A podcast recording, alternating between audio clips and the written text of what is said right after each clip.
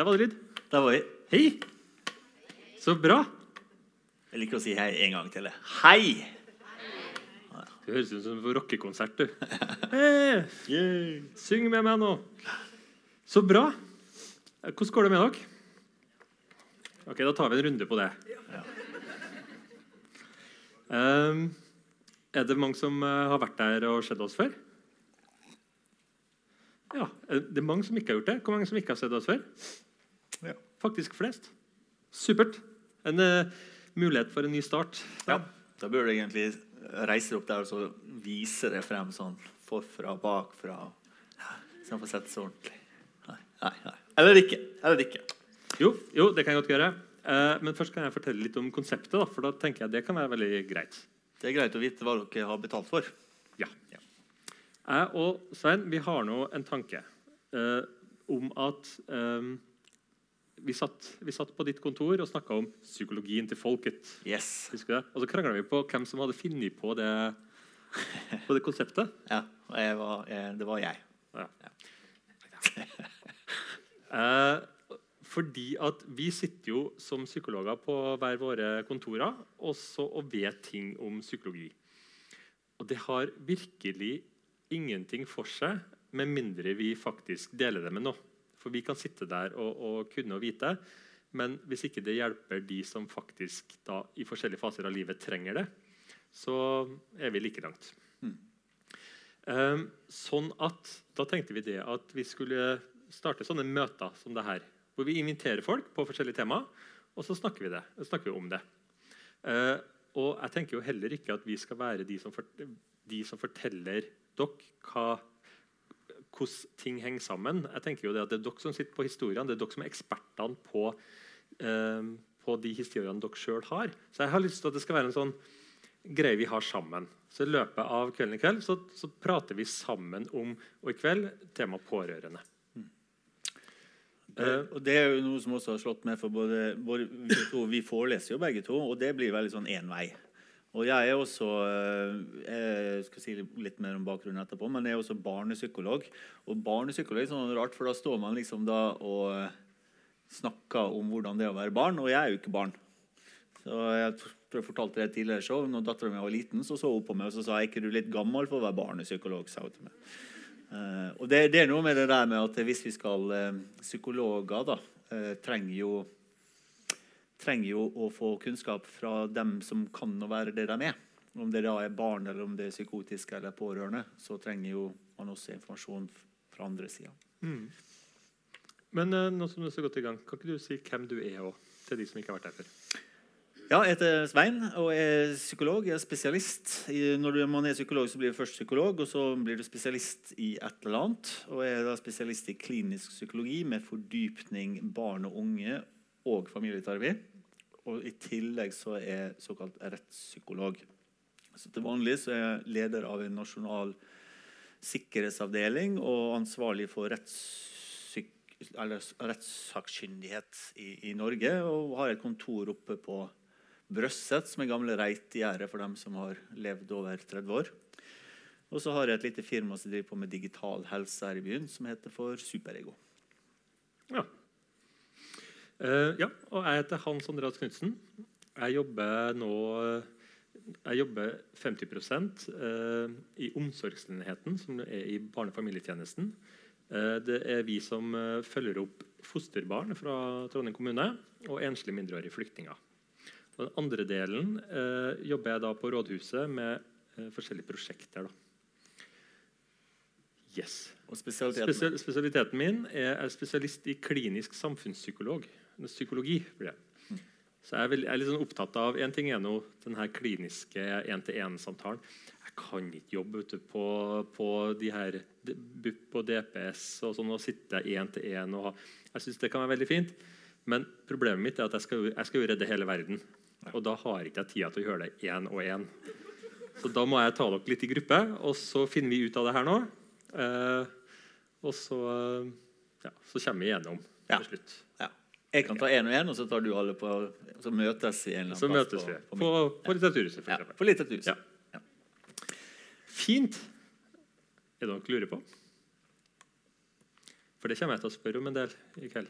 Og da håper jeg dere har ting dere lurer på, og dere sier det høyt.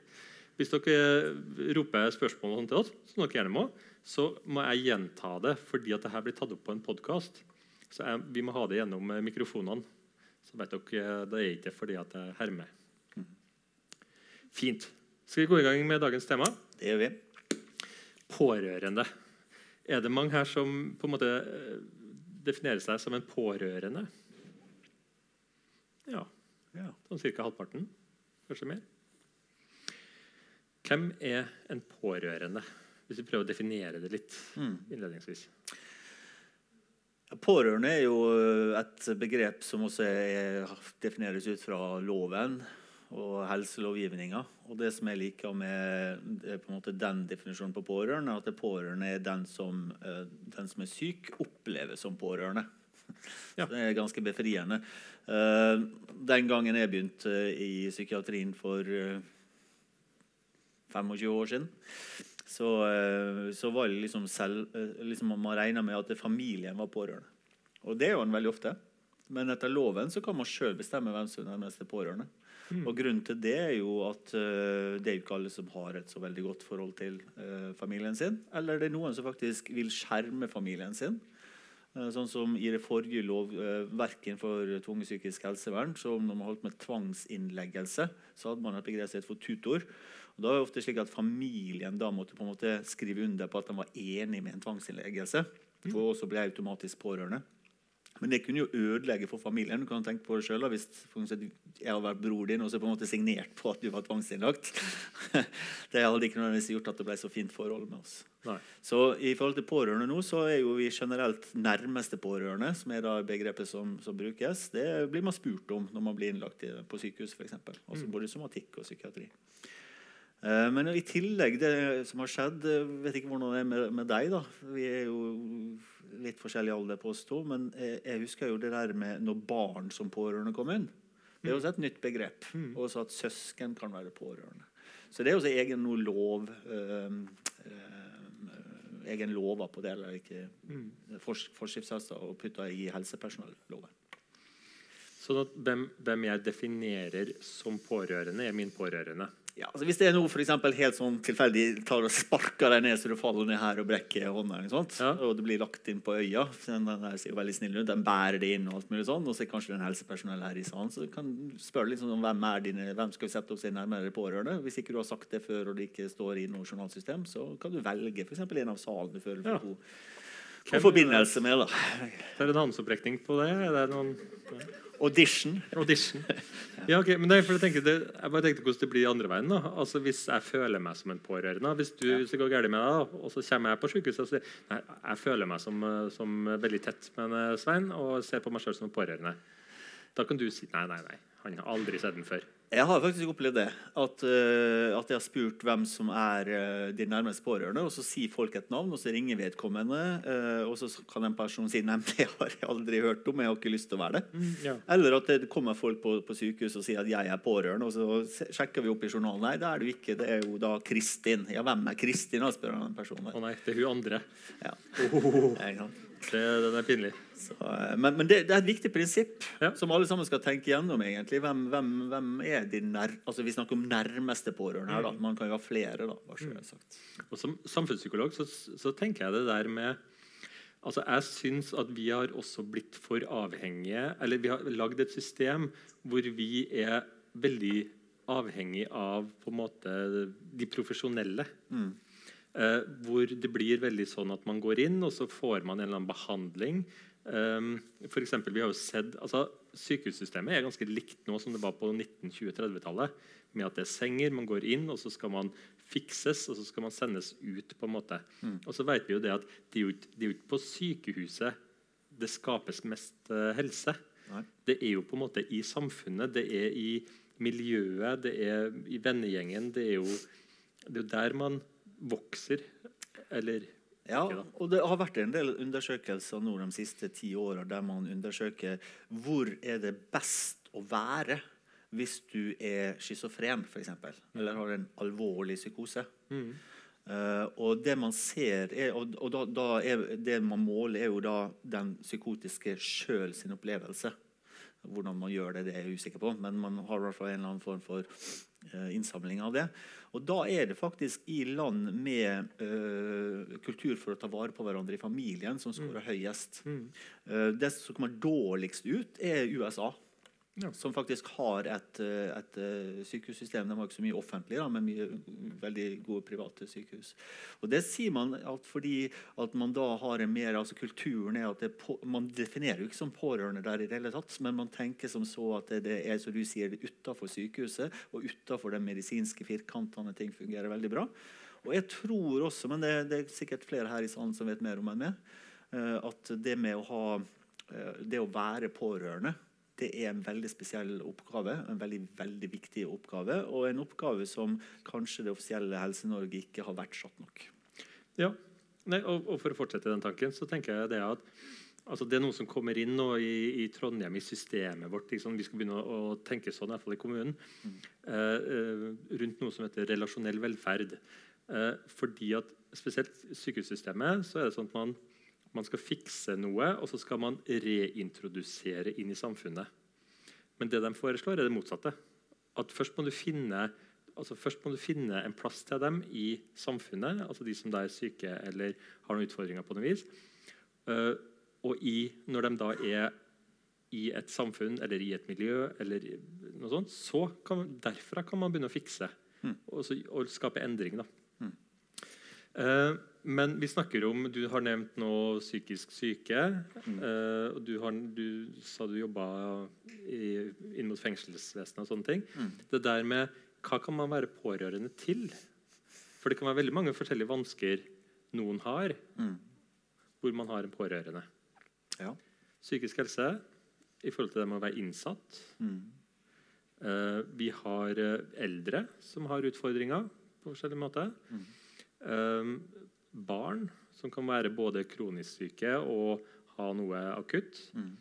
Um, og somat, altså somatisk vi har jo, jeg vet Kreftforeninga har et sånn pårørendetilbud mm.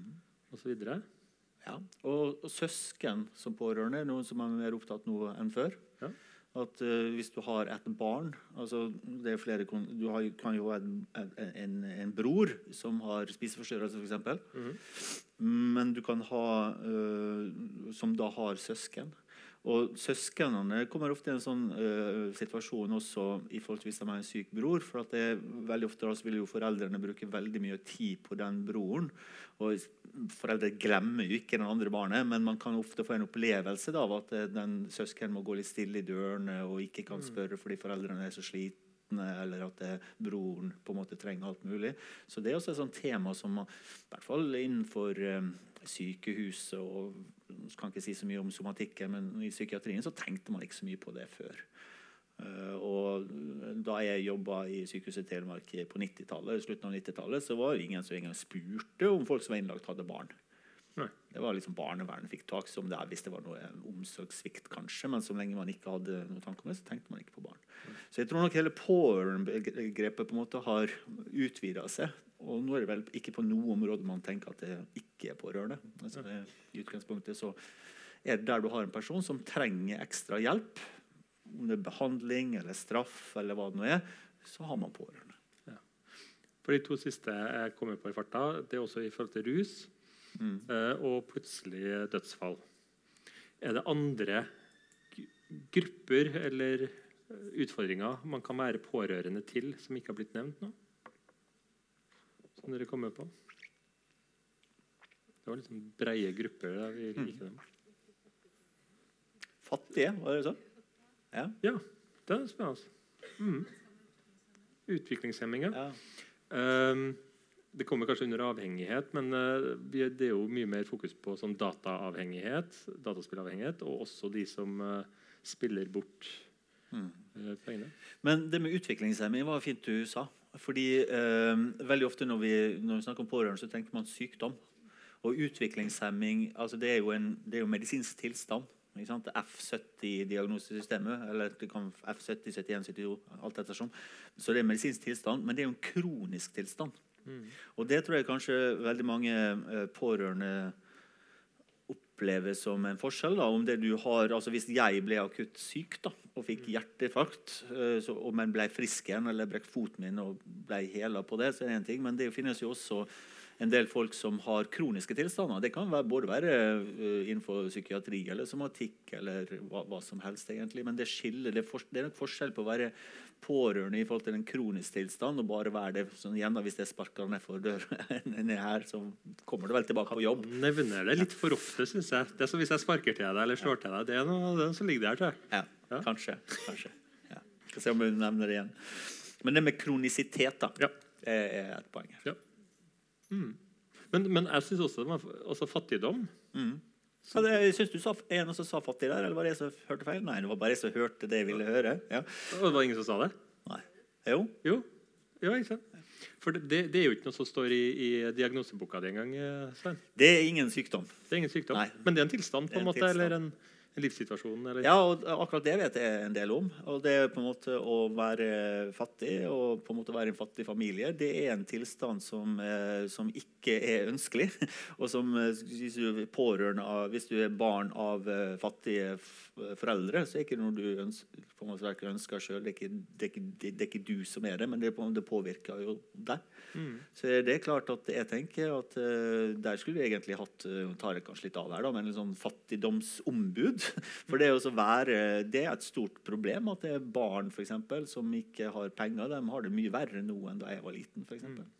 Så det er helt klart, Der burde man fått litt tips og ekstra støtte hvordan man skal være pårørende til fattige. Da. Men, men øh, Ikke for å gå for langt inn i det heller, men, men jeg tenker jo det at pårørende i forhold til altså den type problematikk da, Mm. Eh, Hvis vi ser på eh, de som har store utfordringer i forhold til økonomi Det kan være mange grunner til det, men en gruppe for eksempel, er jo, er jo eh, våre nye landsmenn. Jeg vet ikke om det er det det heter lenger. Altså de, altså, eh, de som har kommet til Norge, flyktninger, innvandrere, hvor du strever for å finne noe Ja, politisk korrekt eh, ord her. jeg har fått litt på påpekning til. Eh, jeg, jeg, jeg skal godt fortelle dere i pausen hvorfor. Jeg tør ikke å si det på podkast. Nei. poenget mitt var det at nettverk Altså det vi ser nå i, i, i dag, er det at hvis vi, Hvor mange av dere søkte på en jobb og fikk altså den jobben dere har nå, søkte på den uten å egentlig kjenne noen eller nettverk, eller noe som helst, søkte på en jobb, fikk jobben? Hvor mange er det? Ok, det ganske mange. Hvor mange er det som er i jobben de har i dag pga. at de har nettverk, eller at de altså at, av, Eller av andre grunner, at de ikke direkte uh, hadde en sånn søknadsprosess, den her klassiske Hvis dere skjønte hva jeg mente? Ja. Hvor mange var det? Ja, det var noen. Færre enn jeg trodde.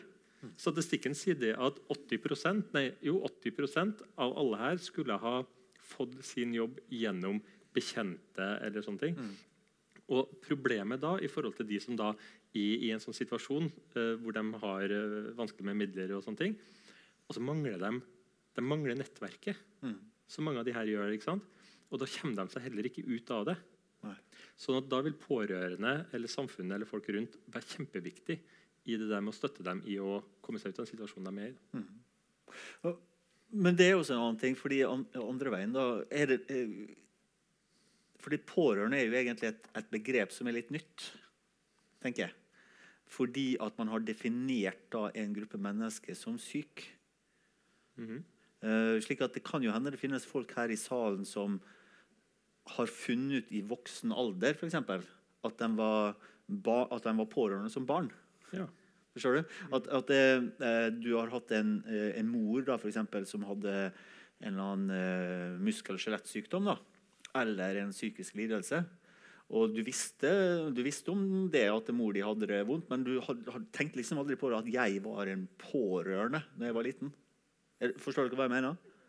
Jeg vet ikke om det er noen som har opplevd det, det, det her. At dere har funnet ut Shit, er det det jeg er? Jeg er jo pårørende. Det, det, det tror jeg faktisk ganske mange har opplevd nå. Og det er jo fordi vi har da definert i ettertid at den rollen som den som man er pårørende til, da, var rett og slett en, en klass, klassifisert tilstand. Da. Mm.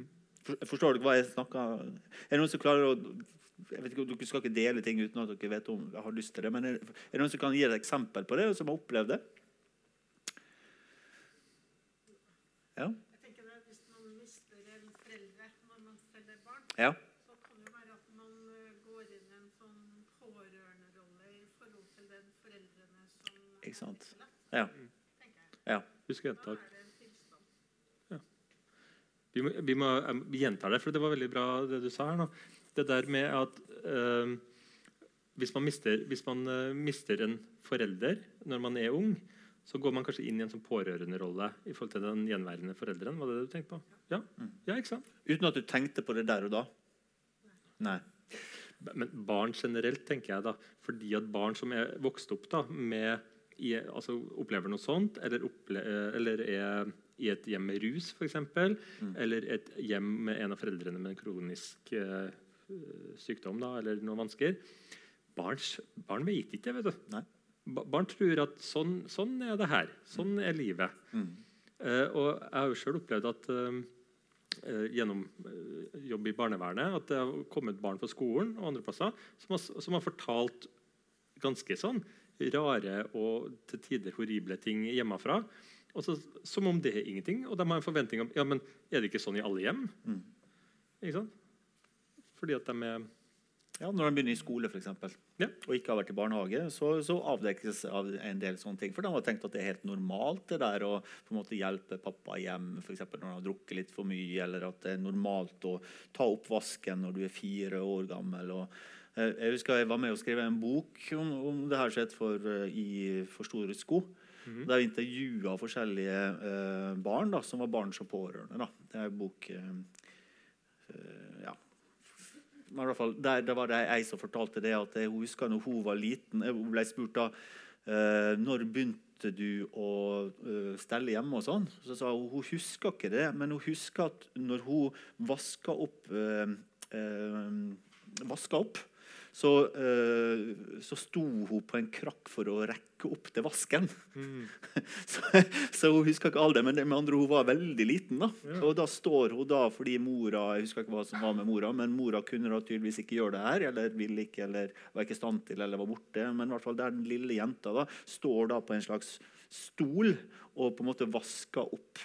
mm. Eh, Men hun sier at det, hun tenkte ikke over på den tida der at det var noe gærent. Hun følte seg bare nyttig. hun. ja. Eh, og det er jo en del i hvert fall barn som pårørende som sier det at det, når de forteller om barn og pårørende, så blir veldig mange helsepersonell veldig sånn ivaretagende. Og så De må slutte med å ta vare på far din eller slutte å ta vare på mor din. Men for mange så er det en identitet mm. Å faktisk hjelpe foreldrene. og lignende ting. Så hvis du tar, fra det, dem, tar det fra dem, så blir det en sånn Ja, hva er jeg da? Mm.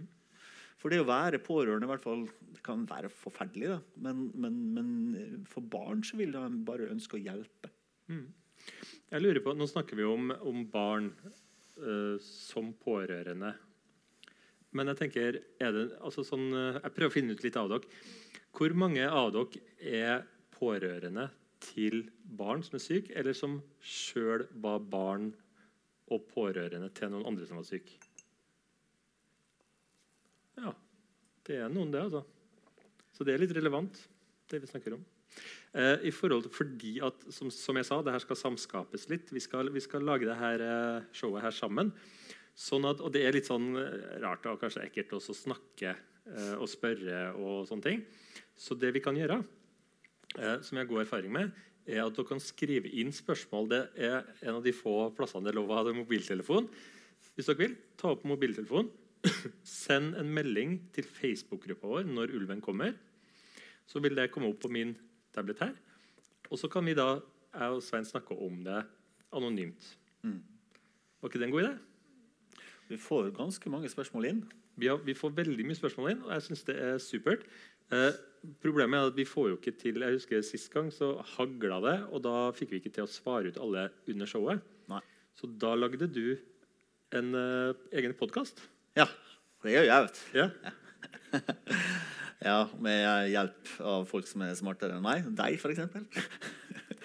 Fiska vi. Eh, og i et anfall av eh, en slags kreativitet så lurte på hva vi skulle kalle podkasten. Og siden eh, det vi driver på med, heter 'Når ulven kommer', så fant vi ut eh, at vi kaller podkasten for 'Når ulven svarer'.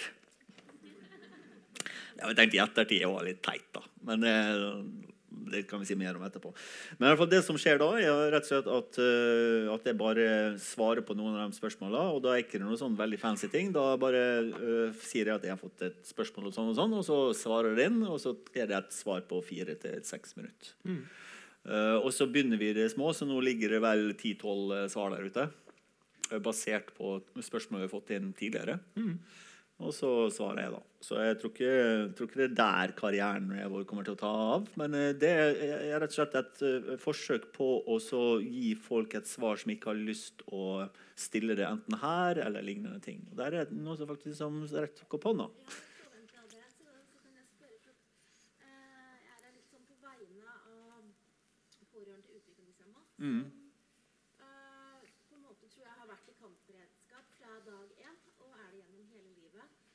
Eh, og eh, det er, tror jeg, en kontinuerlig sånn stressituasjon.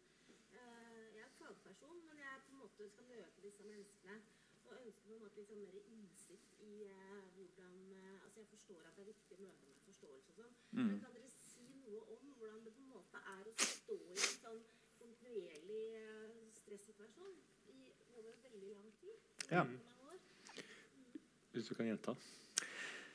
Ja, altså, eh, Det du sier, at du representerer egentlig flere, altså en, en gruppe, sier du, men det er sikkert flere personer da, som, eh, som du prøver å hjelpe, som da er pårørende i forhold til utviklingshemma. Og du forstår at man skal være snill og grei og forståelsesfull, men liksom mer sånn helt konkret hvordan man kan forholde seg som pårørende, eller som en person som skal gi råd til pårørende. Var det det noe sånt. noe sånt, ja.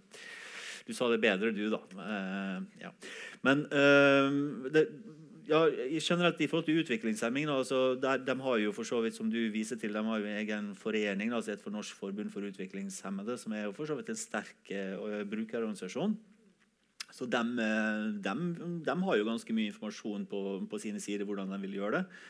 Eh, Men sånn generelt i forhold til eh, det med Hvis vi bare tar spesifikt utviklingshemming først, da, og så generelt pårørende etterpå, så er det slik at Problemet med utviklingshemming er at det er så fryktelig mye forskjellig. Du har fra mer sånn spesifikke kromosonelle avvik, som Lesch-Nyhan syndrom, som har veldig spesifikke problemer. Eh, F.eks. det med selvstimulering og selvskading. Eh, og, så har du mer eh, Downs syndrom, som folk flest har hørt om. Og så vet vi faktisk slik at de fleste med utviklingshemming har faktisk ikke diagnosen. De blir kanskje ikke opp, oppdaga som utviklingshemma. Så det som når du skal hjelpe folk som, har, eh, eller som er pårørende til utviklingshemming, så gjelder jo det samme som alt annet. At du må differensiere, slik at du ikke bare sier at nei, du er utviklingshemma, og så tror man at det er alt som er for utviklingshemma, kan hjelpe dem. Og det tror jeg er ganske allment for pårørende og for brukerorganisasjoner generelt. at det, du har diagnose og klassifikasjoner, og så på en måte blir man putta ja, du har den klassifikasjonen, så derfor så trenger du det samme. Det tror jeg du skal være veldig forsiktig med. For det er like mange mm, jeg bruker å si det, er like mange folk, forskjellige typer med den diagnosen som det er folk som har den diagnosen. Eh, ellers, når det gjelder generelt å være pårørende, det som jeg bruker å, å, å, å prøve å få til, å få dem til å føle seg nyttig. Så som pårørende så trenger du kunnskap, og det trenger vi som jobber med, med, med, med pårørende. Men så trenger man å føle seg nyttig. Det å være pårørende og ikke vite hva man skal gjøre, eller få på en måte motstridende råd fra helsepersonell, oppleves som veldig frustrerende. Eh, veldig mange psykiske lidelser, i hvert fall for det er det jeg kan mest om, men også litt om smertelidelse, og sånn, så er jo ikke det noe helt konkret den pårørende kan gjøre. Og da blir du veldig For du vet ikke hvor lenge tilstanden skal være. Utviklingshemming så vet du at det kommer til å være, vare selvsagt livet ut. Eh, Så, så, så, jeg, bruker å si sånn at jeg, Kan du gi en pårørende sånn en oppgave da, sånn, så til neste gang kan du dra til Nepal og plukke en rød blomst, så blir veldig mange pårørende veldig glad. Eh, Jeg bruker ikke å si det, da, bare så det er sagt, men bare sånn eksempel. altså Gjør et eller annet nyttig. Tilsvarende hvis det begynner å brenne her i dag, å, så, så er det slik at det, kan være greit da i, i, et, i en brann å gi folk noe praktisk. Gjøre et eller annet. Hente pledd. Telle et eller annet. For når vi mennesker har noe konkret å bruke, så føler vi oss nyttig istedenfor hele denne grublinga. Så Det er- det som jeg vil anbefale folk å, å gjøre generelt med, med, med pårørende. Altså Få tak i kunnskap. øh, og, og få dem til å forstå at det de må ikke føle seg nyttig. Det er en tilstand som kommer til å vare lenge, og det er fælt. Og punkt tre, hvis du da kan gi dem et eller annet nytte å gjøre, så blir de veldig takknemlige for det. Veldig mange pårørende vil jo da nettopp for starte brukerorganisasjoner nettopp for å gjøre det her. Og det tenker jeg er kjempe, kjempebra, men det er jo ekstremt slitsomt. Mm. Det er to hender her. Så bra. Jeg hadde veldig lyst til å følge, følge tråden din uh, i forhold til det med på, altså påkjenningene til pårørende. Det må vi få med, ja. mm. få med også. Hvis vi tar den, og så den.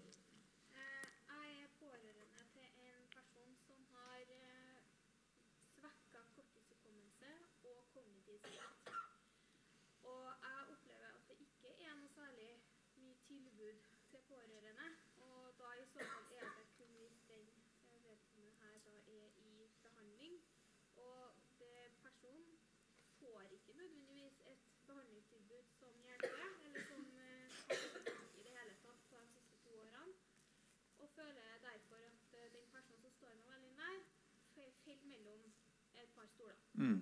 Og da er det veldig vanskelig for meg som pårørende å vite hva jeg skal gjøre. For jeg føler meg ansvarlig mm. uten at jeg kanskje bør gjøre det. Men det er likevel noe jeg føler på, og som er vanskelig å håndtere. Og hvordan ville dere ha gjort det når, likevel, når man møter litt motgang? da? Gjenta. Uh, ja, du eh, er da pårørende til personen da med, med, med, nedsatt kognitiv Mer spesifikt korttidshukommelse og konsentrasjon, syns du sa. Uh, og som han faller liksom, liksom mellom hjelpetilbudene. Og du, selv om du, du, har innsikt på at du ikke er ansvarlig, så føler du ansvarlig. Og du, hvordan skal du ta tak i det? Uh, rådet mitt på det er jo at det er felles, det er veldig mye felles med pårørende. Og en av de tingene, apropos det som jeg sa i å være nyttig, er å sette det inn i veldig hvilke rettigheter man har. Og Da vil det ikke spille så mye rolle om eh, hva som er problemet til uh, den du vil hjelpe. Da kan du, Om du da går til ROS her i byen, som på en måte har begynt nå på spiseforstyrrelse, eller om du går til eh, si, Ryggmargsbrokkforeninga, spiller ikke egentlig så veldig mye rolle. For det du trenger, er på en måte hvordan skal du finne frem til hvilke rettigheter du har. For det er veldig, du, du er, I utgangspunktet nå så er du sikkert sliten og fortvilt. og alt mulig sånn. Du har veldig lite energi. og Det siste du orker nå, er egentlig å gå inn på Helsedirektoratet sine nettsider og prøve å finne frem ut i det systemet. der, ikke sant? Så det du trenger, Men det er ekstremt viktig.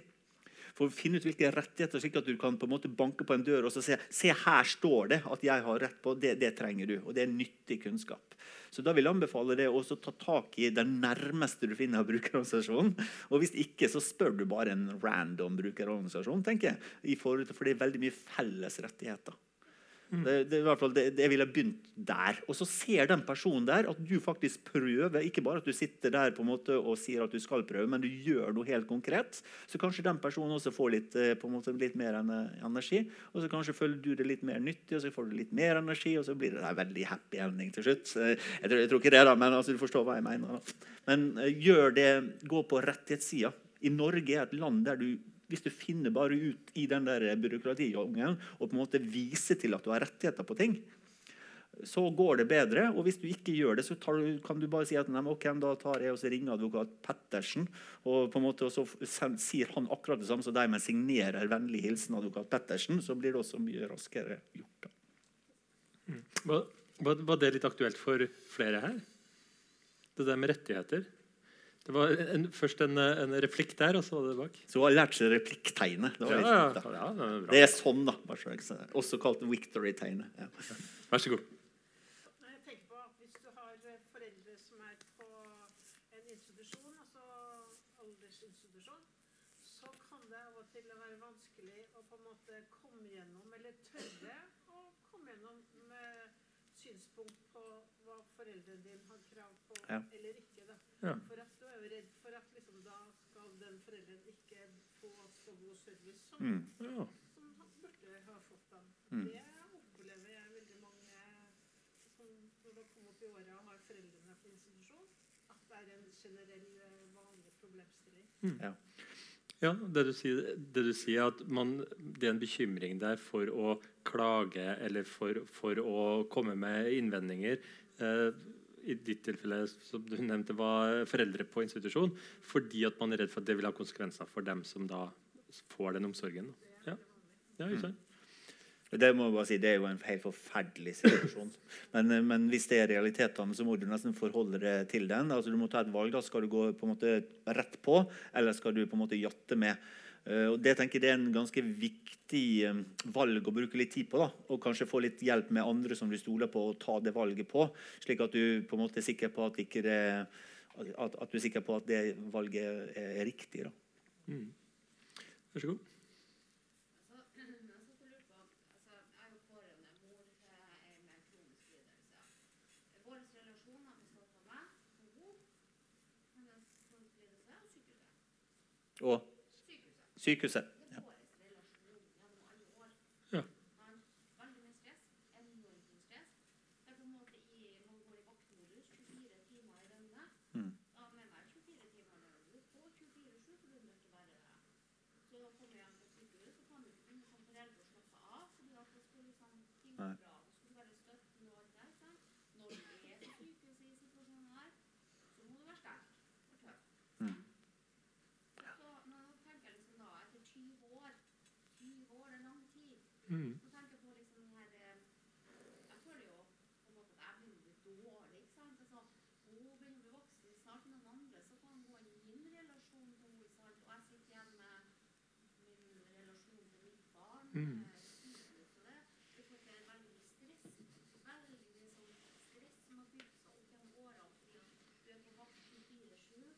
Og det er å snakke om det å be om hjelp og, altså, Jeg er sikker på at den røde varselknappen på telefonen har brukt hele offentlig Trondheim. Og dæven, når ringer hun igjen? Ja.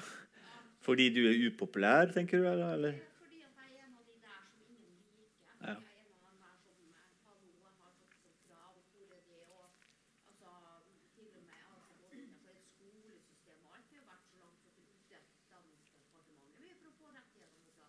Mm. Altså, det er et tungrodd system, og det er ikke plass til pårørende i det her systemet. Mm. Og når unger, spesielt unger da, kanskje blir, de er jo, lov, de er jo myndige i helsevesenet med 16. Sant? Da kan de stenge, altså, sant? Står du fra de er 18 år, så er det på en måte som pårørende, nå skal du jo i hvert fall kunne ha noe der å gjøre. Mm.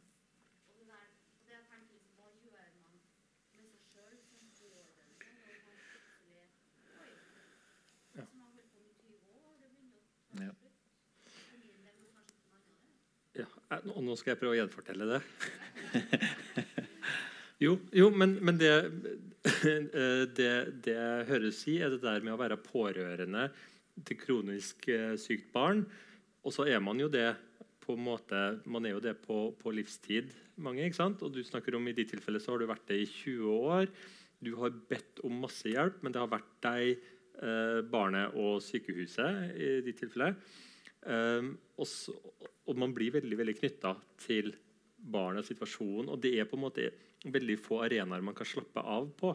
Altså sånn, en ting er at Man må, må jobbe når man er hjemme, men man må liksom være sterk og stå i det også på sykehuset når det er andre profesjonelle rundt. da.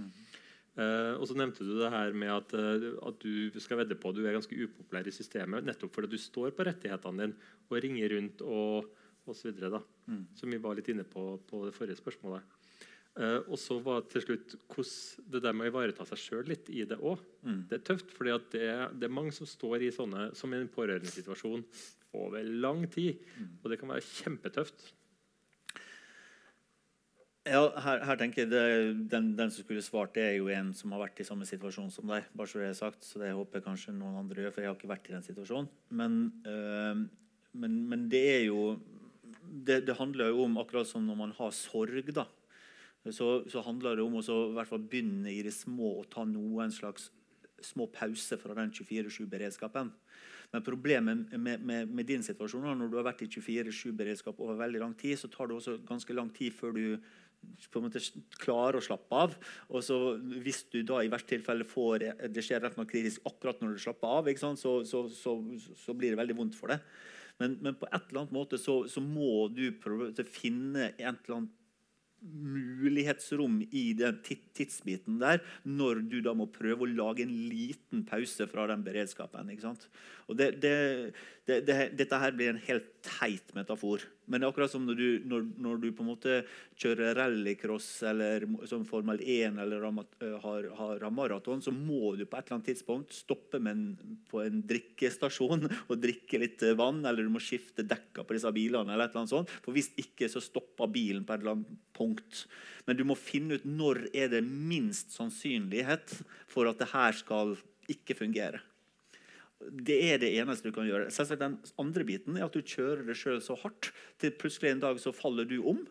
Og så blir du kjørt inn på sykehuset, og kanskje da så forstår folk at dette her er ikke bare mas og plaging fra din side, det er en reell situasjon, og at folk tar det.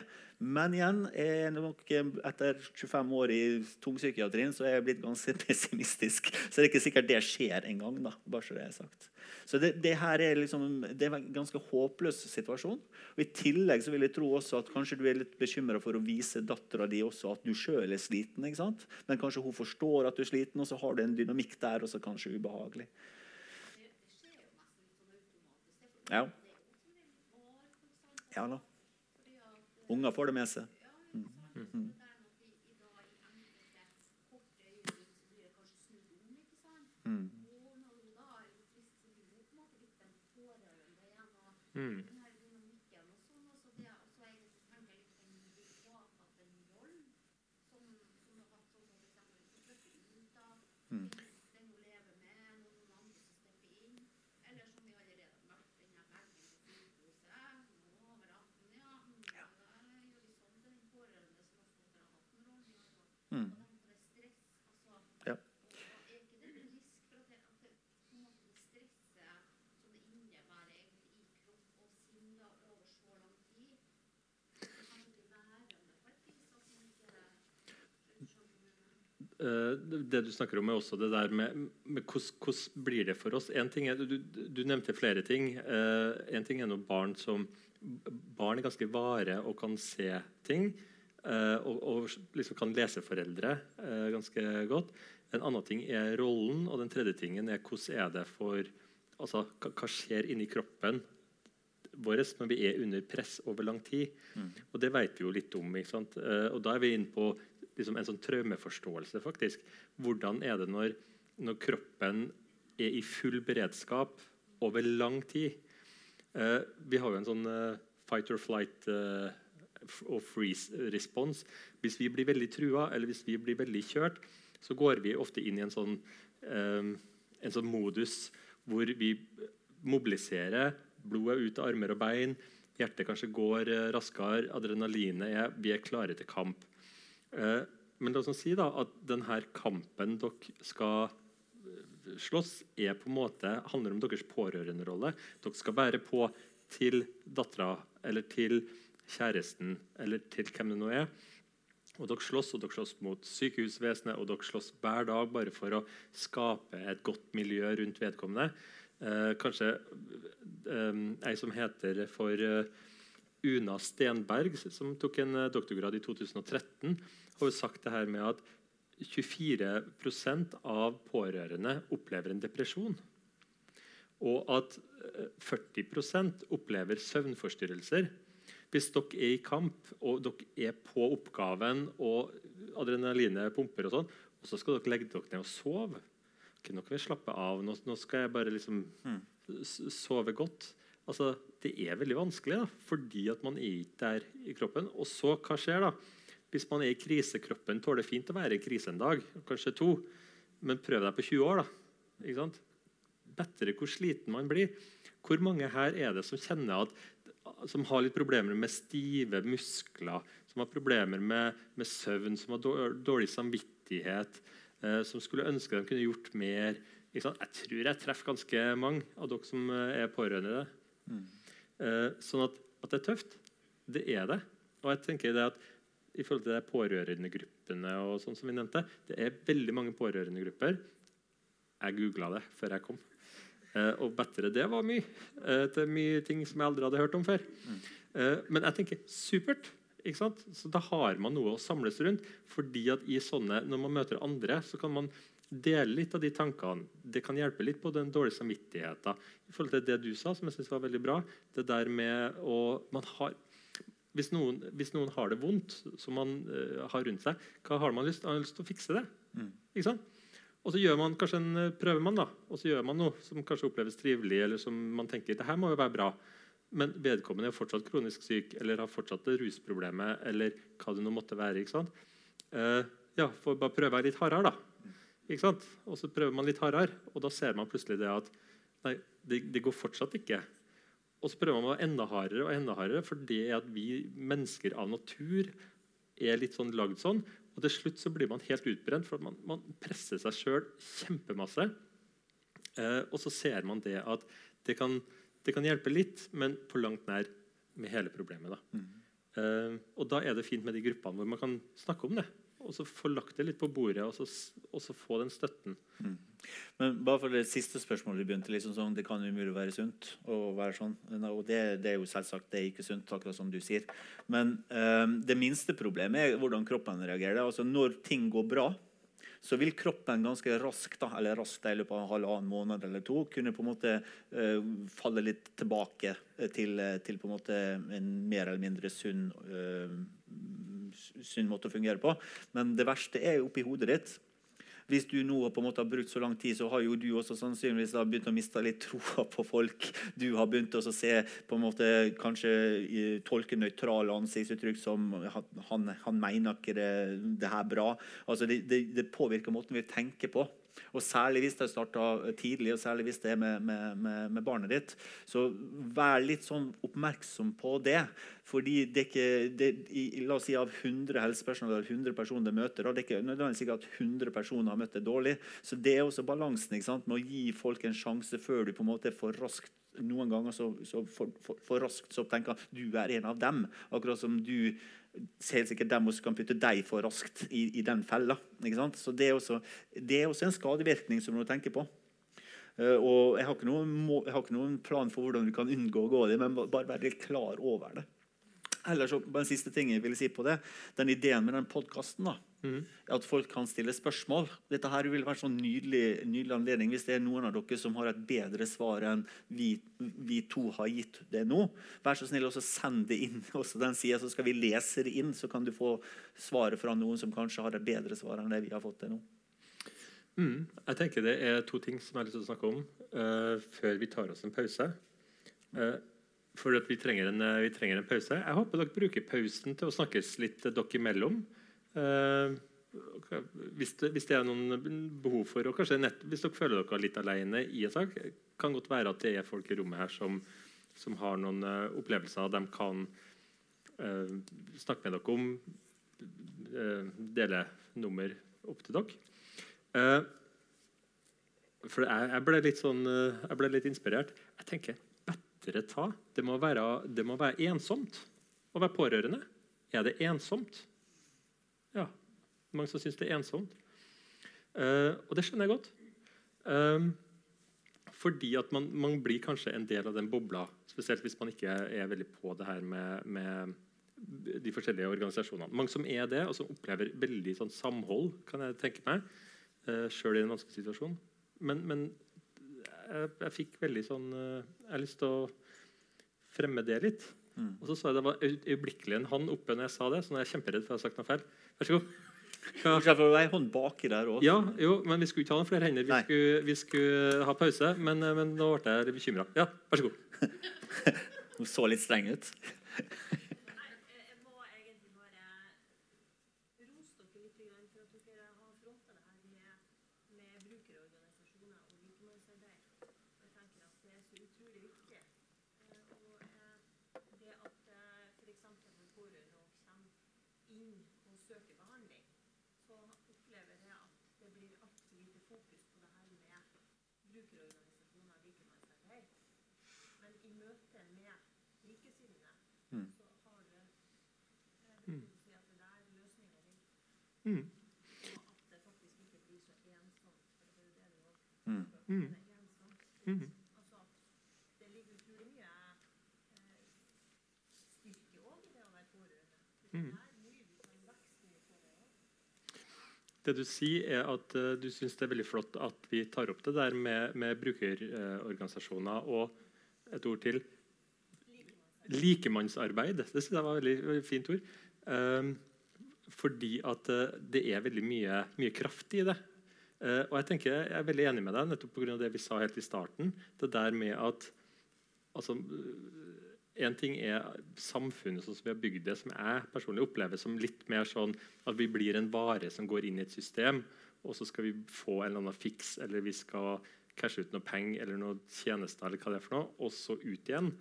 Men at, men at man, man må samle på en måte noen rundt. Man må lage et samfunn, man må lage et nettverk. Man må, man må vokse sammen. Mm. Uh, og i forhold til denne settinga så er det det der med å, å ha noen rundt seg i en sånn, uh, en sånn situasjon. Likemannsarbeid. Uh, så er det Ja, og det er, jeg støtter det veldig bra. Så det var det jeg skulle si. Og det siste er forventninger. Fordi at jeg har en sånn idé, Det var noen som snakka om eldre her. og sånne ting, at det Er også, er det en forventning til dere som pårørende at liksom, her må dere trø til? Altså det, er, altså det ligger litt sånn i, i, uh, i, samfunnet vårt. Og på en måte, Hvis du tenker historisk bedre, Hvor vi, hadde vi vært uten pårørende? Ja. Altså, systemet hadde jo kollapsa hadde det ikke vært for folk som brydde seg om sine nærmeste og, og tok vare på dem og hjalp dem. Og jeg opplever det at fremdeles i dag, i 2019, så er den forventninga faktisk størst på kvinner. Ja. Faktisk. Og det er litt sånn rart, for det er veldig mye annet har jo på en måte ikke likestilt, det tror jeg vi kan si. Eh, men i hvert fall det har gått bedre da, mm. for kvinner nå enn for 50 år siden. tror jeg veldig mange vil være enig i. Eh, men fremdeles så tror jeg det slik at det, forventes at uh, hvis du har en, to brødre og en søster, så er det liksom søstera som skal stille opp. da. Mm. Uh, I hvert fall når det gjelder foreldre, da, som er kanskje den vanligste måten å være pårørende på. Og Det er også liksom, det kan hende jeg tar feil, da, bare så det er sagt, men jeg har den, har den opplevelsen fremdeles. Mm. Og det er jo på ingen måte slik det burde vært. Mm. Uh, vi skal ta en pause, men det som er, vi har jo vi har to deler. ikke sant? Og nå har vi snakka litt sammen. tar oss en pause, og så snakker vi sammen igjen en del til etterpå. Uh, det vi satt og tenkte på, Vi skulle hatt en gjest. Mm. så er det noen som har lyst til å være gjesten vår? og det mener jeg helt forhåndelig. Ja. Hvis det er noen, og det kan være, er det noen som har lyst til å fortelle som er veldig komfortabel med å fortelle en liten historie. Eh, som har lyst til å, å, snakke om oss, om rollen, om forventninger, om det som måtte være eh, relevant. Tenk, du kan jo si fra til oss i løpet av pausen hvis dere ønsker å, Det kan være fem minutter eller det kan være 20 minutter. Opp til dere. Mm. For jeg tenker det at, tilbake til det med at det er ikke vi som er ekspertene. Sånn, egentlig, det er dere som er ekspertene, det er dere som kjente på kroppen. Det er dere som har vært i 20 år og vært aktivert og vært på. Uh, det er dere som, som uh, virkelig har kjent på følelsene. Mm. Uh, så si fra til oss i, i, pausen hvis det er noen som kunne tenkt seg å vært gjesten vår. Jeg ser Vi har fått inn masse spørsmål på, på Facebook. Supert. Det renner på. et lite tips. vi hadde, hadde et tema vanskelig kjærlighet uh, tidligere. Og Da var det veldig mange som sendte inn spørsmålene sine ikke til Når ulven kommer-sida, men til Litteraturhusets side. Så det var det en som heter Ole, som ble så lei seg. Fordi at det bare hagla på med sånne forferdelige kjærlighetshistorier. som bare gikk her. Og Hva er det med verden? Jeg vil ikke leve i den verden. Sånn at uh, Ikke send meldinga til Ole, send det til oss. Ok, Vi tar uh, et kvarters pause, så vi møtes ti over.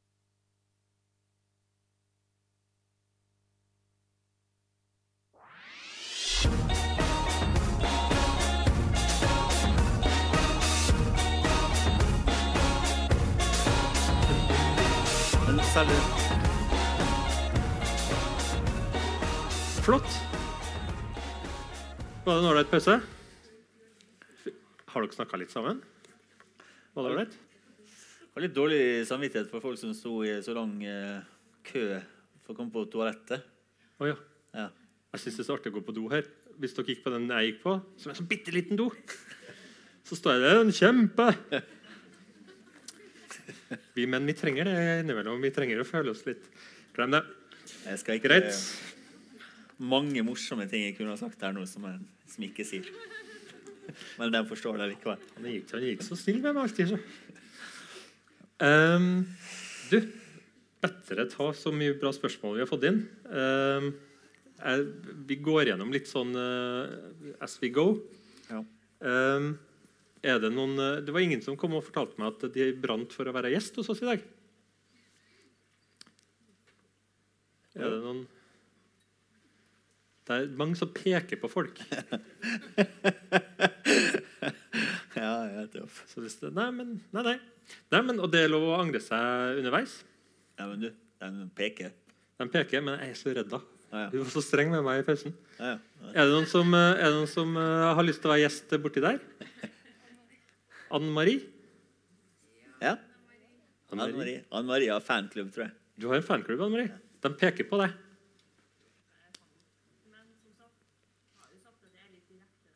Hun er litt direkte. Tro meg, hun er litt direkte. Det, det ble Jeg må rette på sveisen etterpå. Kom jo opp her, du, Anne Marie, så skal vi Kan, kan du komme opp, og så får vi en, en mikrofon? Vil du sitte mellom oss eller på sida, helst, ja. Vil du ha meg på din høyre eller venstre? Er det det òg? Anne-Marie er singel. Eh, sånn at hvis det er Oi. Nei da, vi får vi? Vi tar en sånn, ja. Ja, du er litt direkte. Det skal, det, men jeg, jeg syns det er litt stas. Jeg. jeg koser meg litt. Jeg blir litt, sånn, jeg blir litt sånn redd samtidig som jeg har lyst til å være litt nærmere. Jeg vet ikke hva det er. Det er noe til, tilknytninga mi. Men bare, bare for å begynne med det, da. eh, I forhold til når vi har hatt eksperter her oppe. eh, Så det som er fint med å ha Ta de andre. Eh, Kan vi, kunne vi ha fått et glass? Eh, Nei da, det- hun er ikke fornøyd med noen av glassene vi har på scenen. Så hvis det er noen ekstra glass, så hadde det vært greit. Så nå, nå er du jo både gjest og ekspert. Og, så vi har jo hatt eksperter her før som kan mye mer enn en oss. Eh, så, så da er jo det slik at eh, eh, Du kan gjerne begynne med å si litt sånn som alle andre eksperter. Er det noe vi har sagt så langt Som er bra, eller? som er feil? som er feil. Men aller først så lurer jeg veldig på hvem du er. Kan ikke du fortelle oss hvem du er? Ja, hvem jeg er? Jeg heter Anne Marie Romul. Jeg er 49 år. Jeg er mamma til en rusavhengig sønn. Og så er jeg òg mamma til en som har en sjelden kromosomanomalie, som er PU. Som er 30 år, så jeg har vært der òg i 30 år. Kjempebra. Og så var det om vi hadde sagt noe feil? Det. Ja, altså Det, det syns jeg alltid er greit å begynne med når jeg er ekspert. Så Vi hadde jo en søvnekspert her, eh, og vi har hatt eh, andre eksperter. og sånn, og er jo, Alltid når jeg møter eksperter, så er det greit å få tilbakemelding om er det noe vi har sagt her som på en måte har vært vranglære. i betydning, altså Nå snakker om faktafeil. da. Eh, Så er det noe du har, har lyst til å begynne med det? Er det noe vi så langt har sagt her i forhold til pårørende som, som er feil? Nei. Eller, eller som du har reagert på? Nei, ikke i dag. Nei, I dag. Det kommer Det er neste ikke første gang. gangen jeg har fått hørt det. Så. Ja, men det er bra. Eh, for det, igjen, eh, da er det viktig bare å, å, å, å begynne med det. Mm. Hvor, eh, når det du satt der nede og tenkte på frem og tilbake om du skulle komme opp eller ei, er det slik at du allerede har tenkt litt på hva du har lyst til å si, eller skal vi bare, uh, bare på en måte at du er med på å svare på spørsmål som vi har fått? Ja, jeg kan være med og, og svare på spørsmål. Ja. Fordi at, jeg kan jo spørre deg Du, uh, du var, hadde noen kommentarer når vi snakka om det her med brukerorganisasjoner og sånne ting. Altså, du, er du knytta til noen Har du noen tanker rundt det? Er det noe du har lyst til å si rundt det? Ja, jeg har vært eh, tilknyttet en brukerorganisasjon i ganske mange år. Det som en gang heter Landsforbundet mot stoffmisbruk, som nå i dag heter Ivareta. Mhm. Det har vært min eh, organisasjon. Ja. Mhm. Samtidig så driver jeg jo eh, innenfor rus- og pårørendearbeid sjøl. Til en eh, organisasjon som heter Power. Power. Power er på, rett. Power på rett vei, heter det. Så det, fanklubben din er med i samme gjeng, kanskje? Jeg tror kanskje det er noen eh, pårørende som sitter her. Ja. Som, mm. Så bra. Og kul, liksom. Er ikke det tøft? Må gi applaus, da. Vær. applaus og smil. Sånn er det å sitte her sjøl. Ja. Eh, vi har fått inn masse masse spørsmål. Eh, det der med uh, Et spørsmål som går litt på det her med opplæring i å være pårørende. Hva tenker vi om det? Altså sånn, for det er jo en ny rolle. Det er jo en uh, arena man kanskje ikke har vært på før, idet man på en måte blir det. Um, en han, eh, veldig rask han på den. Ja, for, eh, det er at, eh, nå er det jo dere som skal det, men det er jo en glidende overgang her, og det kunne jeg tenkt meg å høre litt om. Ja, Så når du oppdager at du er pårørende, supert. og jeg har savnet litt eh, eh, medavhengighet, altså snakk om det. Eh, Så du kan jo sette inn de tingene nå når du Ja. Vi har jo en ekspert på her som, som kan mye om det. Ja. Sånn at, sånn at eh, vi, snak, eh, det, vi tar med det. Altså den overgangen, fordi at det er jo i mange tilfeller så er det ikke sånn fra en dag til en annen eh, man blir pårørende. Kanskje i forhold til rus og sånn som du nevnte. Altså Det er en glidende overgang der. Og når man da først liksom har erkjent at, at man er i den rollen man er, i forhold til det der med hva trenger man å vite? Altså, og er det noe opplæring i det? Da er vi nesten tilbake til brukerorganisasjonene igjen. Sånn, tenker jeg. Ja, jeg tenker at eh, det ble sagt litt her i stad om det her med at vi som pårørende vil kanskje ikke definere oss som pårørende. Nei. Og det stemte, for at eh, det tok meg ganske lang tid før at jeg så på meg sjøl som en pårørende. Ja. Og jeg har jo òg vært pårørende som, eh, til en rusavhengig stefar når jeg var tenåring. Men det tenkte ikke engang på at jeg var pårørende. Litt sånn som vi snakka om i første del. Mm. Og det her med medavhengighet, det er jeg kjempeglad for at du eh, nevnte. Det var en av de kritikk, kritikkene dere fikk av meg i stad. Det er at eh, forrige gang så handla det om rusavhengighet, og vi som pårørende vi ble ikke nevnt.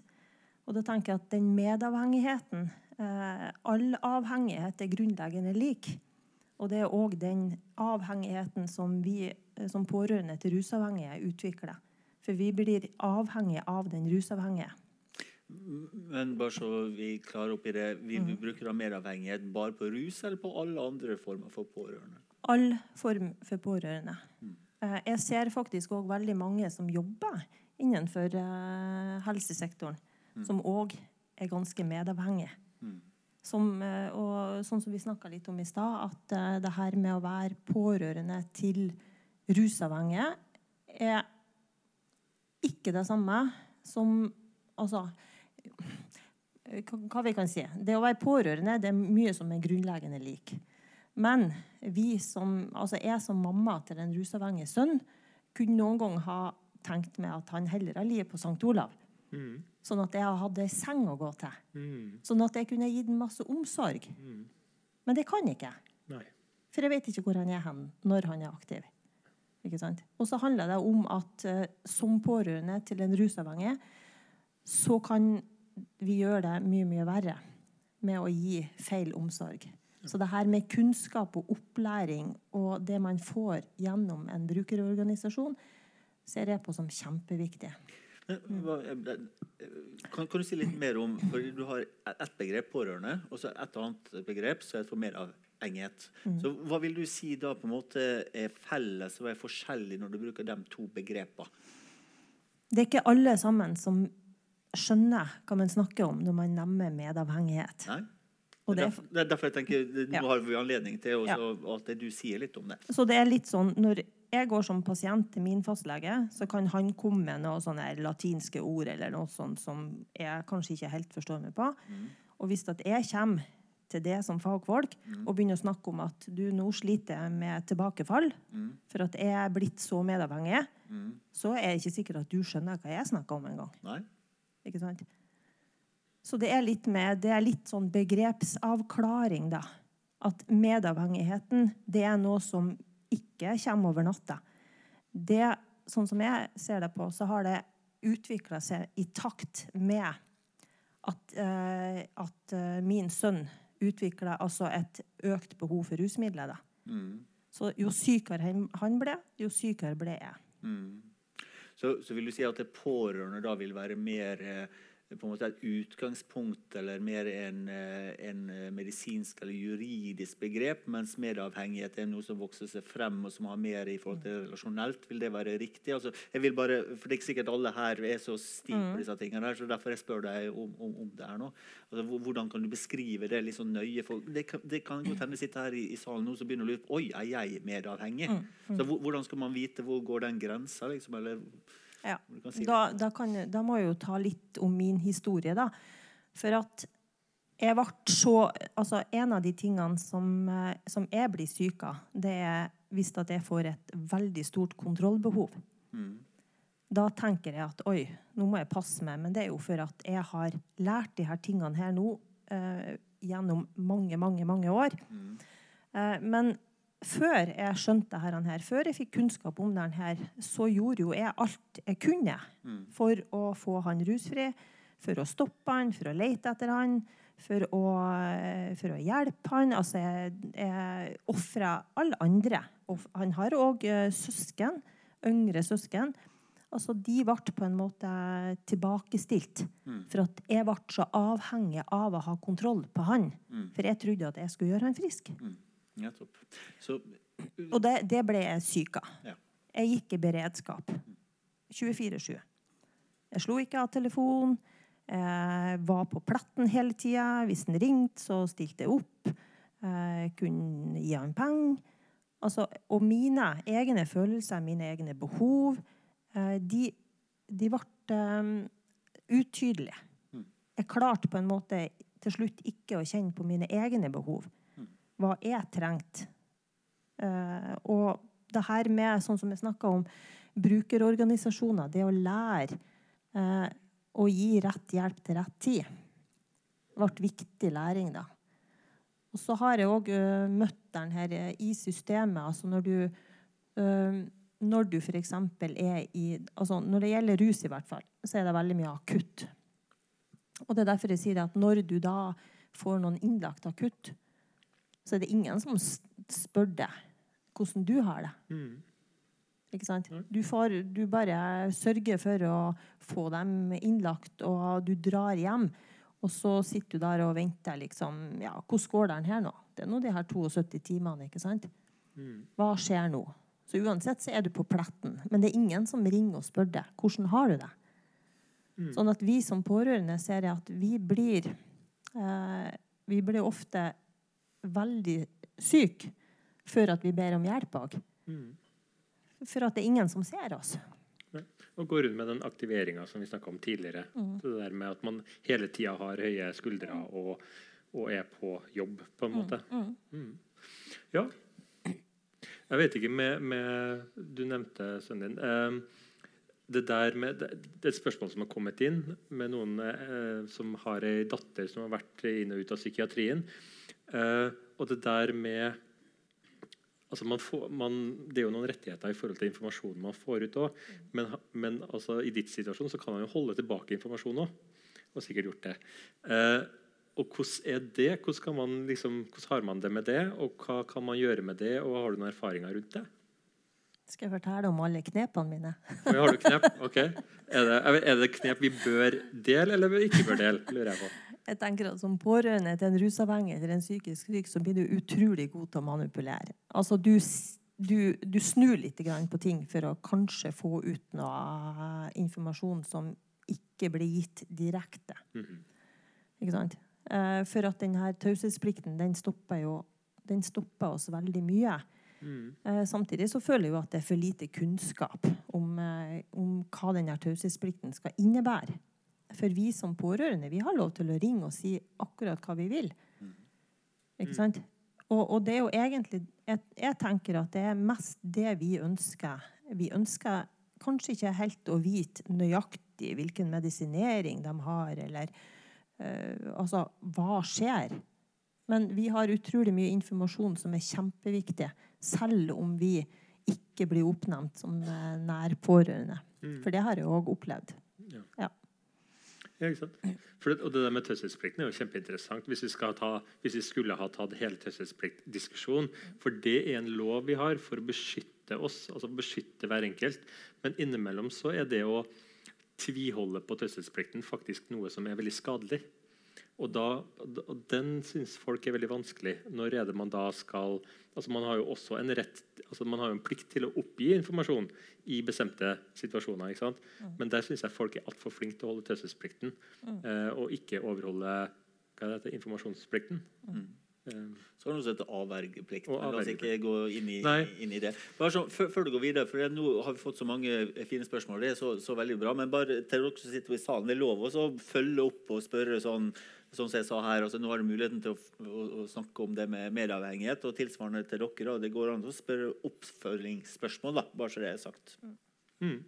Traff det, Resonnerer det hos dere, det som blir sagt her nå? Dere, eh, kjenner dere igjen i det? I forhold til denne her medavhengigheten og sånn? Ja, supert. Um, det, veldig, det har kommet inn veldig, veldig mange spørsmål. Og, det, og de, de vi ikke får tatt, sender jeg til en eh, Svein, så kan han ta det på Jeg jeg kommer ikke til å ta alle dem der, det skal jeg love dere. Det tar seks minutter å svare. Og hvis det er 40 greiene, så blir det holdt på denne her resten av uka. Jeg kommer til å velge noen, bare for å senke forventningene litt. Det der med tabu Du nevnte det der med at om man, om man har en eh, altså om det er en eh, somatisk, om det er kreft f.eks., eller rus, eller om man er, har noen som er innsatt, så er det på en måte litt forskjellig, nevnte du i pausen. Ja. Jeg bruker også å si det at eh, når jeg var 19 år, så ble jeg mamma til en eh, gutt som fikk en, eh, en, eh, en eh, PU-diagnose. Og det har jo overhodet ikke vært enkelt, for det her er jo 30 år siden. Eh, men samtidig så opplevde jo jeg at familien ble mye mer ivaretatt på den måten der at han altså, for å si det sånn, Han var heldig og fikk en sjelden diagnose, så vi kom på et kompetansesenter og fikk masse opplæring. Og søsken var med, og vi gikk på såkalt skole i 14 dager mens de gikk i barnehagen og sånt. Når jeg fikk en kronisk uh, rusavhengig sønn, for jeg kaller det kronisk da, for at uh, han var ganske ung når han begynte å ruse. Da var det ingen som sto og på en måte uh, fortalte meg hva jeg skulle ha gjort. Altså, det var ingen som sa at den her det kunne bli et, et, et langvarig, kanskje et evigvarende eh, Ja, hva jeg skal kalle det. Uh, ja. Uh, og jeg mangler altså Jeg, jeg, jeg syns at det er så fraværende uh, med hvordan vi som familie blir ivaretatt når det er sånne litt sånn eh, skambelagte diagnoser eller sykdom eller lidelser som kommer da. Og det her med, med skammen som, som Altså, man føler jo veldig at man har gjort noe feil, og hvordan man kunne gjort ting annerledes. Og eh, det var jo faktisk sånn som jeg mamma sa. Hadde jeg amma for lenge, eller hadde jeg amma for lite? Ikke sant? Vi går jo veldig sånn i detalj da, med å finne ut hva vi kunne gjort annerledes. Hvis jeg får lov å henge med på der, fordi én ting er at det kan være tabu, det kan være skam, det kan være stigma. Men, men, eh, men noen ganger så er det ofte slik at det pårørende også kan få skylda. Eh, og det var jo innenfor barne- og ungdomspsykiatrien helt opp til 80-tallet. Så forklarte jo man f.eks. Aspergers syndrom og autismespekterlidelser generelt med at det var såkalte kjøleskapsmødre da, som har vært for utilgjengelig for omsorg. Og I Frankrike så er det fremdeles enkelte psykiatriske avdelinger der det blir praktisert. da. Eh, det samme har vært i forhold til schizofreni og en rekke andre lidelser. Og jeg tror kanskje noen også kan begynne, selv i dag, kan på en måte tenke sånn i forhold til rus og i forhold til, eh, til folk som gjør ulovlige handlinger, f.eks. Så jeg tenker det er jo dobbelt på en måte eh, skadende også, fordi at det da eh, det er ikke bare slik at du samarbeider med pårørende, men du kan jo rett og slett støte dem fra det. Eh, og da får du helt ekstreme dårlige eh, dårlig dynamikk. da. Og jeg har også opplevd folk med uh, foreldre til utviklingshemma. Uh, jeg husker en gang en far som sa til meg at uh, jeg skal ikke ha på meg at sønnen min er utviklingshemma. Altså At han tok det personlig. på en måte, At hans sønn var det. da. Så, så det går jo begge veier. at Når folk går i forsvar, om det er, om det er mm, pårørende eller om det er helsepersonell, så blir det veldig ofte dårlig samarbeidsklima. da. Det ser vi i dag. Jeg vet ikke om hvordan du ser det. men, men jeg ser jo det. Uh, særlig da i forhold til det som jeg merker det best på i dag, er jo da barn av fengselsinnsatte. I Norge i dag så er det mellom 6000 og 9000 barn som har foreldre som sitter i fengsel. Og det, Her i Tunga så er de faktisk ikke verst eh, på det, altså fengsel her i Trondheim, men mange plasser så har de ikke engang informasjonsmateriale til barn, har ikke egne besøksrom til barn etc. etc. Eh, Og barna har jo i hvert fall ikke noe skyld, så vil vel de fleste være enige om i dag. Da. Um, et spørsmål som jeg tenker kan være aktuelt for dere begge to, altså både teori og praksis. Det, der, det spørsmålet går eh, i forhold til depresjon og være pårørende til noen som er deprimerte. Eh, men spørsmålet er vel kanskje litt mer hvor konfronterende kan man være? Altså fordi at uh, Det er jo åpenbart en, en, en eh, utfordring. Og man, i forhold til rus, f.eks. Man får jo lyst til å sette si, du, sa, du sa du var litt streng. Altså, hvor står skapet? og altså, Er det sånn man kan miste en relasjon der ved å si det at kom deg opp nå, nå du kan ikke ligge på sofaen, du må Ja. opp og ut? Altså, altså man, den, ja, faren for å, altså Redselen for å miste relasjonen òg, for å være for direkte. Hvor, hvordan tenker dere om det? Jeg tror faktisk jeg har svart på lignende spørsmål allerede på den der uh, sy- eh, Ulven svarer, knytta da til, uh, til, uh, til sinne. En partner som er veldig sint eller lignende ting. altså Én ting er jo på en måte komme på hva som er skadelig. da. Det er, det er ikke slik at en person med depresjon er så tander at hvis du på en måte sier fra dine egne behov at eh, han eh, vil, vil, vil gå og ta livet sitt, f.eks. Det, det er sannsynligheten for det er litt, veldig liten.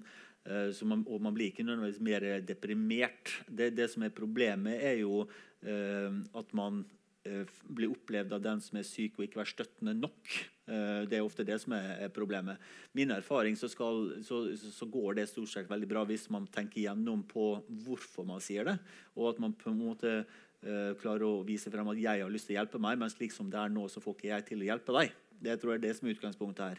Men når du har en person som eh, ikke vil la deg for eksempel hjelpe deg Hvis han ikke vil at eh, med depresjon da, at du skal få lov å snakke med legen eller psykologen hans, dersom han forteller at han har dem og dem symptomer, men systematisk på en måte unngår å ta imot hjelp som blir tilbudt, da tenker jeg at man har lov til å være ganske konfronterende. Men hvis folk er deprimert og gir deg på en måte eh, muligheten til å hjelpe deg, eh, da må heller du som pårørende faktisk være litt tålmodighet. da. Eh, fordi da, Når det faktisk en person ser at eh, han, at han har lyst til å hjelpe, men han ikke, ikke får det til. Nå vet jeg ikke hvordan det der vil være for rus. fordi da er jo spørsmålet hvor mye kan han få til, og hvor mye vil man få til. og hvor mye, så, så Det med rus tør jeg ikke å svare på. Men i de aller fleste tilfeller når det gjelder psykiske lidelser, så kan man faktisk være mer konfronterende enn man er. Men det er jo selvfølgelig en risiko at en person da vil tenke nei, du forstår meg ikke, og begynne å kutte av. da. Eh, Og, dette her er bare sånn tommelfingerregel. da. Men i utgangspunktet så er depresjon en, en lidelse som andre, lidelser, og skal behold, behold, be, at du skal forholde deg til det som andre eh, lidelser. Mm. Men du, har, du, har du noen erfaringer med det der med å være konfronterende? Hva du tror. Jeg har en mistanke, nå. Ja. Eh, Det er jo noe som heter liksom eh, tøff kjærlighet, da. Og det er jo heller ikke enkelt. Jeg bruker også å si det at jeg har stor respekt for alle pårørende. Eh, har jeg for at det, det er kjempeutfordrende. Og, og det å være pårørende over lang tid er smertefullt. Mm. Eh, Det er en sorg, som jeg bruker også å si, som du egentlig ikke får bearbeide nok. For at han, han står liksom på stedet hvil. Det er en sånn ventesorg. Mm. Mm. Det var et fint ord. Ventesorg. Ja. Det er en Fant du på det ventesorg. nå, eller er det noe Nei. som folk sier? Det er ventesorg for at Spesielt som pårørende til rusavhengige så går vi veldig mye og venter. Ja, At han skal For dø, er- tenker du? Eller eh, Altså, vi, venter vi vet Ja, altså, det her med, med overdosedødsfall er jo en realitet. ja, og det er jo på en måte Enten så kommer en stritt imot Ja. og tenker at eh, det her vil jeg ikke tenke på engang, for at det er så smertefullt at jeg vil ikke ta det innover meg. Nei. Men samtidig så er det en realitet. Ja. Og da går vi på en måte litt og venter. Jeg syns det var et fantastisk sterkt ord. Ventesorg. Jeg må innrømme jeg har ikke hørt det før. Eh, så det, det skal jeg begynne å bruke. Takk skal du ha. Og så det her med å sette grenser, så tenker jeg at jeg lærte det gjennom min brukerorganisasjon at det her med å være en muliggjører Altså at jeg kunne være eh, hjelpe min sønn til å fortsette å bruke. For at han eh, altså Jeg bruker også å si det her med manipulering og sånne ting. Det blir jo en del av Altså eh, Jeg opplevde da at han brukte min kjærlighet for å få det sånn som han vil. Ikke sant? Men det var jo ikke barnet mitt, på en måte. Det var jo ruspersonligheten. For at han hadde funnet kjærligheten. Og det var det han ville ha. Og det å på en måte ta det innover seg at øh, altså pårørende og barn og, og alt det som egentlig jeg ser på som viktig, det var ikke viktig for han. Mm. Det var andre ting som kom først. Jeg kom langt tilbake der. Jeg har lyst til å tilføye noe på det. eh, fordi Nå, nå snakker vi om rus og noe om depresjon. Um, og så må vi prøve å holde det også litt generelt, for det er sikkert folk her i salen som ikke har, eh, som er pårørende akkurat til det. Så Det som jeg tenker også er en utfordring som pårørende, da, er jo også at man ofte vil være flere pårørende. Eh, og hvis du skal være konfronterende den ene, så er det lurt å ha på en måte, ja, du smiler, liksom, um, uh, ha en plan for hvordan man som pårørende gruppe, da, eller for eksempel, igjen da, enkleste versjon, vil jo da hvis det er to foreldre til et barn. da, for eksempel. Og jeg husker jeg hadde jo eh, Apropos ventesorg. Det traff meg veldig sterkt, det ordet der. jeg det. Eh, jeg var, var psykologen for et, eh, et par eh, som hadde et barn med, med kreft. Eh, og barnet var bare tre-fire år. Og de visste at det barnet kom til å dø. Eh, og de to takla det der så forskjellig. Altså, de, de takla det, si, Begge to takla det dårlig, naturlig nok. Det hadde vært skummelt hvis du ikke hadde gjort det. tenker jeg. Eh, Men de hadde så forskjellige måter å kommunisere med hverandre og hvordan de relaterte til det, at det, gjorde en splid mellom dem. Så Det som skjedde, var at de både mista denne lille, skjønne jenta eh, som døde, men de også mista hverandre. Og det tenker det er jo bare sånn bare å tenke på at uh, en datter skal dø altså Nå begynner jeg å gråte på direkten her. Men i tillegg da på en måte være i den prosessen der. Og det var Jeg vil tro at det her det er jo en ekstrem situasjon da, for barn som tre år skal ikke dø. Eh, men igjen den ventesorgen og det at du er pårørende og og, og det, egentlig så tror jeg begge de to opp, opplevde seg ensom i den ventesorgen. Selv om de var gifte og i utgangspunktet hadde et fint forhold. Så det der også må være en veldig tricky business. Og måte, og hvis i tillegg du skal være konfronterende, så tenker jeg da er det viktig at du tenker sammen med kjæresten din. Da, at det, da skal begge være konfronterende. Eller kanskje de ikke skal være det, slik at de er sånn bad cop, good cop. det vet jeg ikke, Men du bør ha en plan, er mitt poeng her. da. Og kanskje du, Hvis du i tillegg har en bestemor inne i bildet, og en onkel, og gudene vet, eh, så, så begynner det å bli ganske komplisert. Jeg ble litt stille. Det du, traff meg veldig på, på det du sa, og og også i forhold til det du sa. Kanskje det er greit Kanskje det er greit at vi deler litt sorgen sammen. Det er tøft. Um, noe, et spørsmål som kommer igjen eh, mye her, som vi ikke har snakka så mye om. Du snakka om eh, det paret som da i forhold til sitt barn. Annen ting er i et parforhold. altså Hvis det er kjæresten din eller partneren din, så er jo det det skal være kjæresten din, og du skal ha den rollen. Men så får du den her pårørenderollen, og hvor blir det av kjæresteforholdet? Ja. og sånne ting.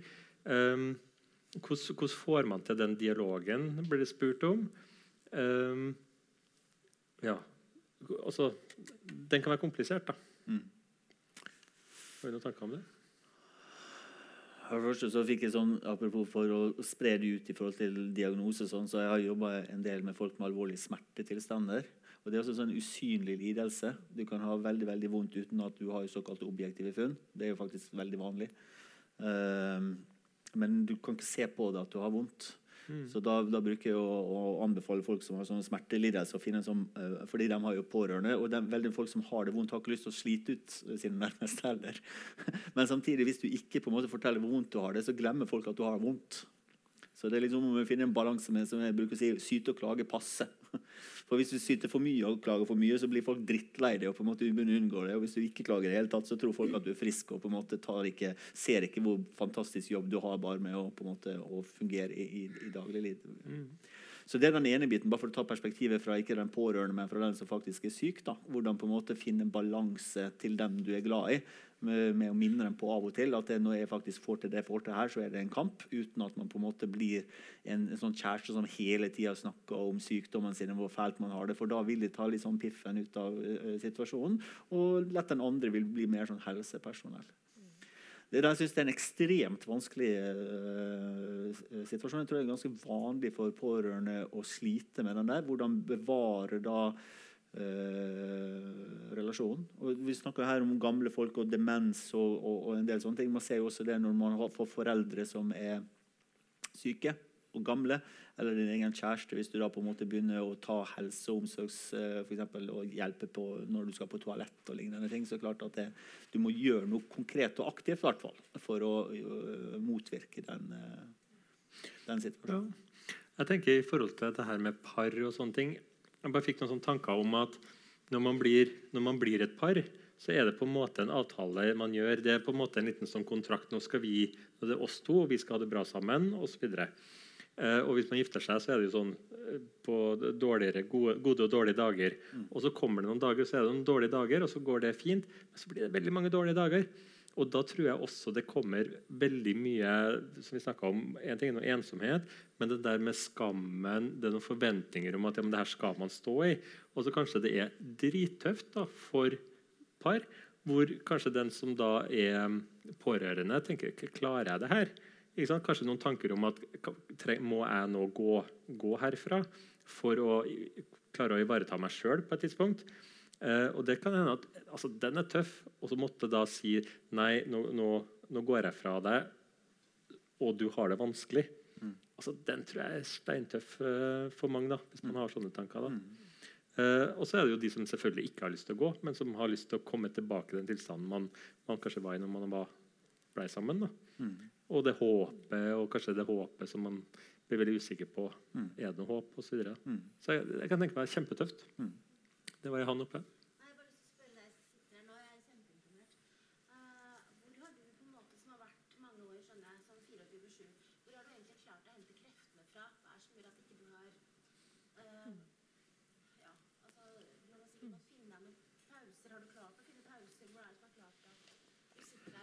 Gjenta spørsmålet. Vi må gjenta spørsmålet før du svarer. Mm. Ja. Så det du spør om, egentlig hvor hun har klart å finne kreftene for. Rett og slett så enkelt. Fra, ja. Takk. Mm. Eh, jeg har vært ganske på felgene òg. Eh, har jeg vært. Men jeg kom til et punkt der jeg skjønte at nå måtte jeg gjøre noe. For at jeg kjente at nå gikk det, nå kunne det gå galt. Uh, og det var i det samme punktet som jeg rett og slett planla begravelsen til sønnen min. For da var jeg så sliten da ønska jeg faktisk bare at det skulle være stopp. Og det var ganske tøft å bare erkjenne den følelsen. Men jeg tenker at uh, den følelsen uh,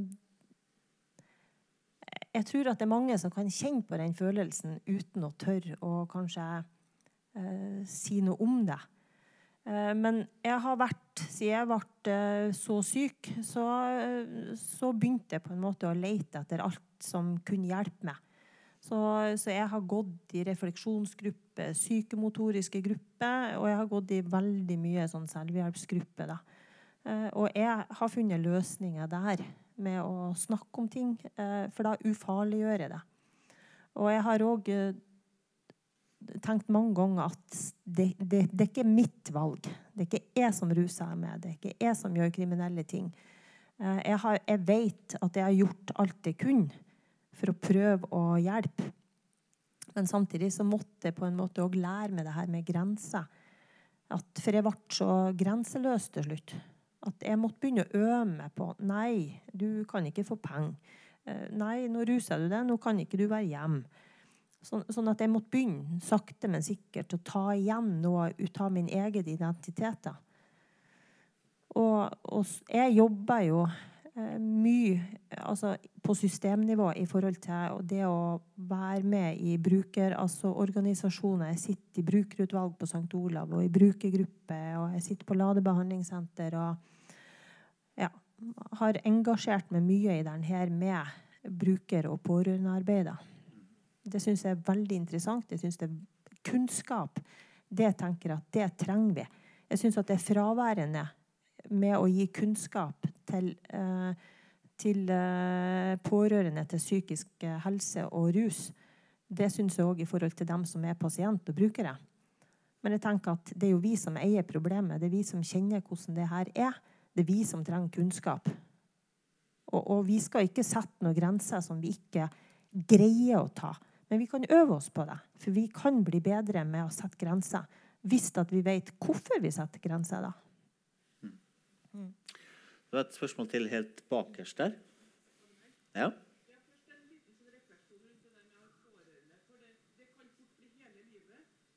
Bare, bare for, husk at vi skal gjenta det du sier. Så hvis du har mange punkt, så ta, ta, ta en pause når du er ferdig med det første. Så jeg er pårørende. Ja, Veldig mange her er pårørende. Og vi er ikke Jeg tenker at livet består også av andre rundt oss, og vi må også leve et friskt liv. Det har vært kjempeviktig for min del eh, når jeg ble pårørende, for det ble jeg brått og fort. Og det er alvorlig, og det er ventesorg som varer i mange, mange år. Den er det mange rundt oss som har.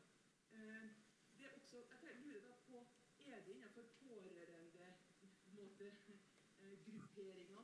fokus på at vi også må leve friskt liv av hensyn til de andre vi har med oss også. Og så var det spørsmål hvor henter man krefter ifra? Ja. Jeg fikk ett godt råd som har hjulpet meg kjempemye. Og det var fra en terapeut som sa fra nå av så må du tenke to parallelle løp. Du er pårørende i det ene løpet. Der ligger sykdommen. Og så ligger frisklivet i det andre. Og du må være i begge. ja. Do, dobbeltspor. Dobbeltspor. Det går godt an. Ja.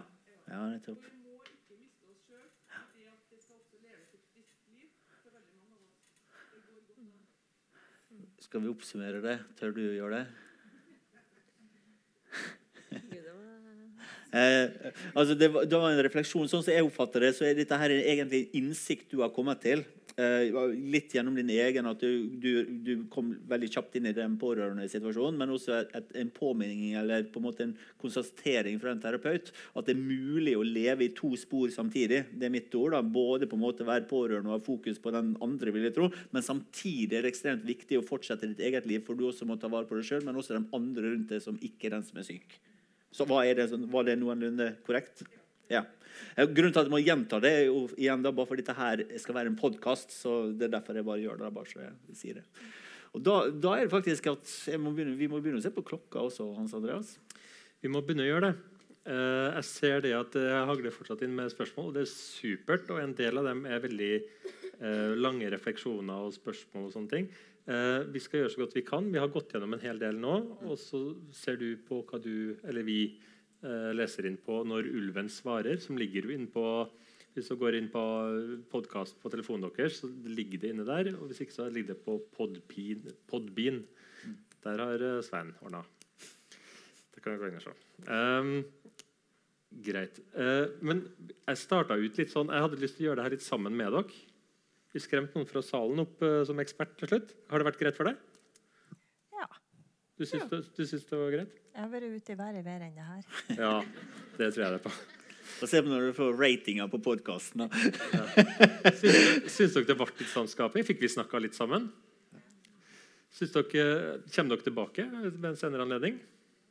Det sier dere. Ja, mm, ja greit. Mm, greit. Um, så bra. Vi har eh, neste, neste gang vi møtes her, er 10. april. Da er tema personlighet. Og Da håper jeg vi skal snakke både om personlighet generelt, noe vi alle har, men også kanskje når det, når det skjærer seg litt, eller når det blir litt mye av det ene eller det andre. da. Eh, Podkasten vi snakka om eh, Den kvelden her, altså med, med gjest og sånne ting, det blir lagt ut som en fil på Litteraturhuset sine sider. Så der går han Under podkaster så går han trykker der, så kommer det opp på datoen. da. Greit. Er det noe annet vi trenger å si? Vi vil si som vi bruker å si, tusen takk for alle som kom. Jeg syns dette her er veldig fint at så mange også spør og kommer, deler også gode og triste, eller fine og triste uh, historier. tror jeg er veldig, veldig, veldig viktig. Mm. Jeg ser også, Av og til når jeg ser ut av salen, så ser jeg noen personer som ser veldig trist ut.